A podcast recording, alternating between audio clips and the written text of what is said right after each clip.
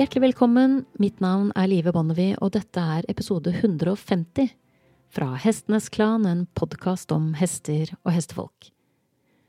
Og når jeg samtidig markerer episode 150, så tenker jeg også tilbake på april i år, da podkasten feiret sitt treårsjubileum. Det har vært tre år med ukentlige episoder, spennende møter, ny kunnskap og tidvis litt mindre helgefri. Men det har så til de grader vært verdt det. Jeg vil igjen takke alle dere som på ulike måter har bidratt til episodene så langt. Dere som har stilt opp som gjester, og delt rundhåndet av deres erfaringer og deres kunnskap. Dere som har tipset meg om tekniske ting som trenger utbedring, tipset meg om gjester som har vært verdt å snakke med, eller kommet med ros og oppmuntring underveis. Det har alltid varmet. Og en særlig takk igjen til de av dere som deltok på vårens spørreundersøkelse, som var en fest å være med på, og minnet meg om at det virkelig finnes mye bra hestefolk der ute. Og når jeg nå har brukt deler av helgen til å se tilbake på meldinger jeg har fått, fra lyttere gjennom de første 150 episodene, så ser jeg også at det er mange ensomme hestefolk der ute. Vi bor noen ganger spredt, så miljøet kan være fraværende eller lite. Andre ganger kan vi være omringet av andre hestefolk, men likevel føle oss ensomme i vårt syn på hestene hvis vi velger å ta utradisjonelle valg. Det kan være en tøff situasjon å være i. Jeg vet det fordi jeg har vært der selv. Og nettopp denne følelsen av ensomhet, annerledeshet eller utenforskap er en av flere grunner til at jeg har bestemt meg for å prøve å utvide podkasten til å omfatte levende bilder også. Forrige mandag så inviterte jeg til den første av flere små Q&As, og mandag 3. juli utvider jeg litt og inviterer til en ny. Den vil ikke ligge åpent ute på nett, men du finner informasjon og kan melde deg på på mine hjemmesider, livebonnevie.no eller hestenesklan.no. Det er litt begrenset antall plasser i starten til jeg får på plass det tekniske, men jeg satser på å utvide etter hvert og håper at vi ses. Og så til dagens episode, der jeg avrunder serien La oss snakke om etikk for denne gang.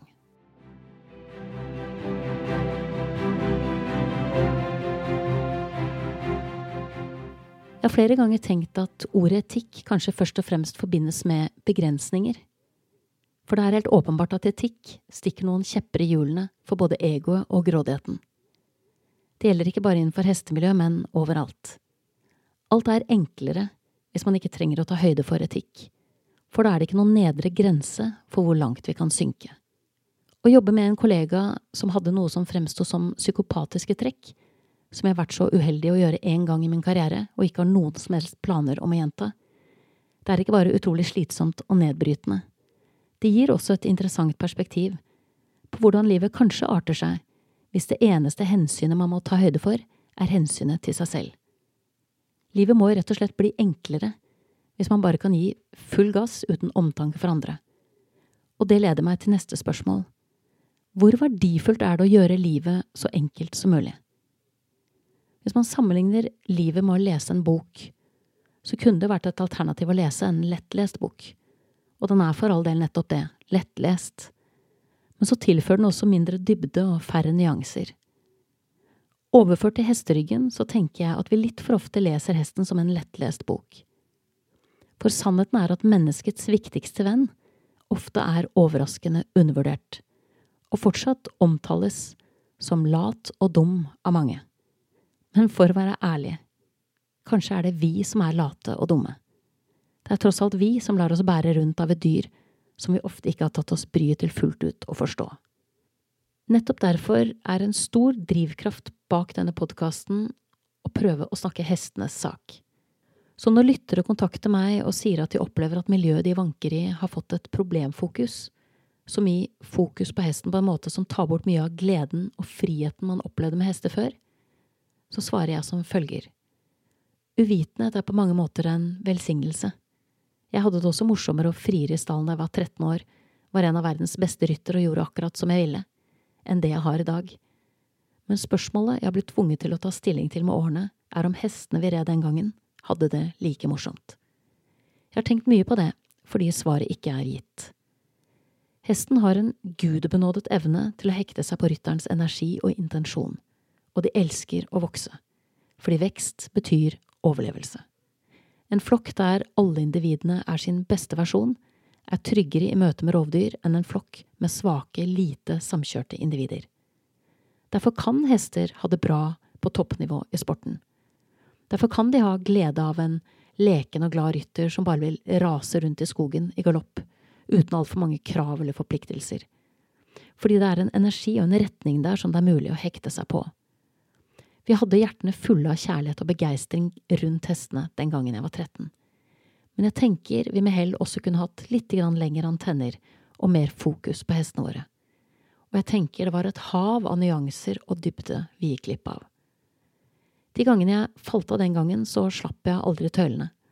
Og de få gangene de ble revet ut av hånden min, så var det siste jeg så halen og bakbeina til en hest i strak galopp som ikke så seg tilbake, før jeg måtte gå til fots tilbake til stallen. De få gangene jeg har falt av min nåværende hest, så har han snudd og kommet galopperende tilbake til meg. Det er ikke tilfeldig. Det koster ham ikke mye å være sammen med meg. Derimot har han fått erfare at han får mye. Jeg tenker det viktigste er at vi har tenkt og fortsetter å tenke den tanken. Hvordan er dette for hesten min, ikke bare hvordan er det for meg? Som den danske treneren Katrine og jeg snakket om i episodene 128 til 133 under overskriften Hestekvinner snakker om hest, så vokser det mye interessant ut av å betrakte seg selv først og fremst som en tjener for hesten. Jeg har også tenkt mye på hva jeg faktisk har fått igjen for å velge den røde pillen den som åpner for et mykere blikk på hesten, og samtidig gjør det umulig og utenkelig å gå tilbake til det hesteholdet man hadde før. Hva det har gjort med meg, både som rytter og som menneske. Hvor stødig jeg har blitt. For man får virkelig noe igjen for å ri og håndtere hester ved å flytte fokuset fra seg selv og over på sin firbente partner. Selvsagt gjør man det. Og i tillegg vokser det også helt andre relasjoner ut av denne måten å være med hester på når man i større grad fokuserer på hestens naturlige og individuelle behov, og der man ikke bare kaller hesten sin beste venn, men behandler den som det. Det er rett og slett et enormt potensial for personlig vekst i møtepunktet med hesten, der tvangsmidler ikke lenger brukes som en krykke som maskerer våre svakheter og vår manglende kompetanse. Vil du ikke, så skal du, er som kjent ikke det mest inspirerende utgangspunktet for relasjonsbygging og jeg er langt fra alene om å tenke på meg selv som hestens tjener, mer enn hestens herre. Og for meg er det kanskje dette som er kjernen. Å være herre over hesten har aldri falt meg naturlig. Kanskje ikke så rart all den tid jeg ikke er født som mann. Å være frue over hesten er det interessant nok fortsatt aldri noen som har bedt meg om. Men for å være ærlig så tror jeg aldri man ville sagt det. Jeg tror man ville sagt å være frue sammen med hesten. Hva slags bilde får man i hodet av ordet frue? Er man en uformelig masse med deig som flyter konturløst utover kjøkkenbenken? Overhodet ikke. Det er klart man skal ha konturer. Å være en frue ved siden av hesten er å legge til rette for at hesten lykkes og er lykkelig. Det nærmer seg årets beiteslipp, og hesten min skal på fjell i år. Det blir veldig hardt å sende ham fra seg, men han trenger et magrere beite og mindre insekter og det trumfer mitt behov for å nyte sommerferien fra hesteryggen. Men han har ikke stått på henger på mer enn fire år. Litt tilfeldig, litt covid, litt latskap. Så jeg har bestemt meg for å gi ham tid til å venne seg til tanken før vi kjører av gårde. Så jeg brukte deler av kvelden i går på hengelasting. Og det var gledelig å merke seg at han husket hvordan det fungerte fra sist. Han gikk rett på og lot seg laste av i samme rolige modus. Men da jeg satte på bommen bak ham da jeg lastet ham for tredje gang, så kom det litt for brått på. Adrenalinet steg litt, og han ble litt anspent. Da er det godt å ha en relasjon å falle tilbake på, og bare gi ham tid til å erfare at det ikke er noen grunn til uro. Gi ham ros og oppmuntring.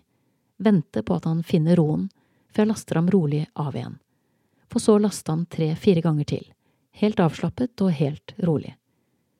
Og det er en sånn glede å se at han summer seg fremfor å bli reaktiv.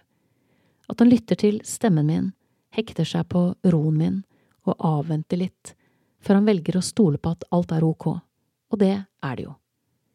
Jeg har tenkt mye på det i det siste, hvor viktig det er å la ting ta tid, ikke være så travel hele tiden, og heller ta to steg tilbake enn to steg frem hvis noe lugger litt. Jeg kjenner mange som ville lastet testen og dratt, og det kunne jeg selvsagt ha gjort selv også. Men når man har hestens beste i tankene, så er det veldig naturlig å gi hesten tid til å minnes på at transport er helt ok, og at hengeren er et greit sted å være før man drar. Hvorfor ikke? Vi har tid til det. og det øker sjansen for at hesten får en god opplevelse. Og en hest som laster seg selv, er mer fornøyd enn en hest som blir lastet av andre. Sånn er det bare. Det er noe grunnleggende menneskelig ved å holde fast ved gamle vaner. De er som vår annen natur, og alt som kreves av omstilling av tankesettet, utfordrer oss. Men i valget mellom å ta den blå eller den røde pillen, der den blå er å leve i uvitenhet og opprettholde status quo, mens den røde lar deg dykke ned i kaninhullet for å sjekke hvor dypt det egentlig er. Da ville jeg valgt den røde pillen hver gang. For ta mitt ord for det, det er veldig mye dypere enn du tror. Du har nettopp hørt episode 150 fra Hestenes Klan, en podkast om hester og hestefolk. Takk til min faste komponist Fredrik Blom, og sist, men ikke minst, takk til deg, kjære lytter, for tålmodigheten. Måtte hesten for alltid være med deg.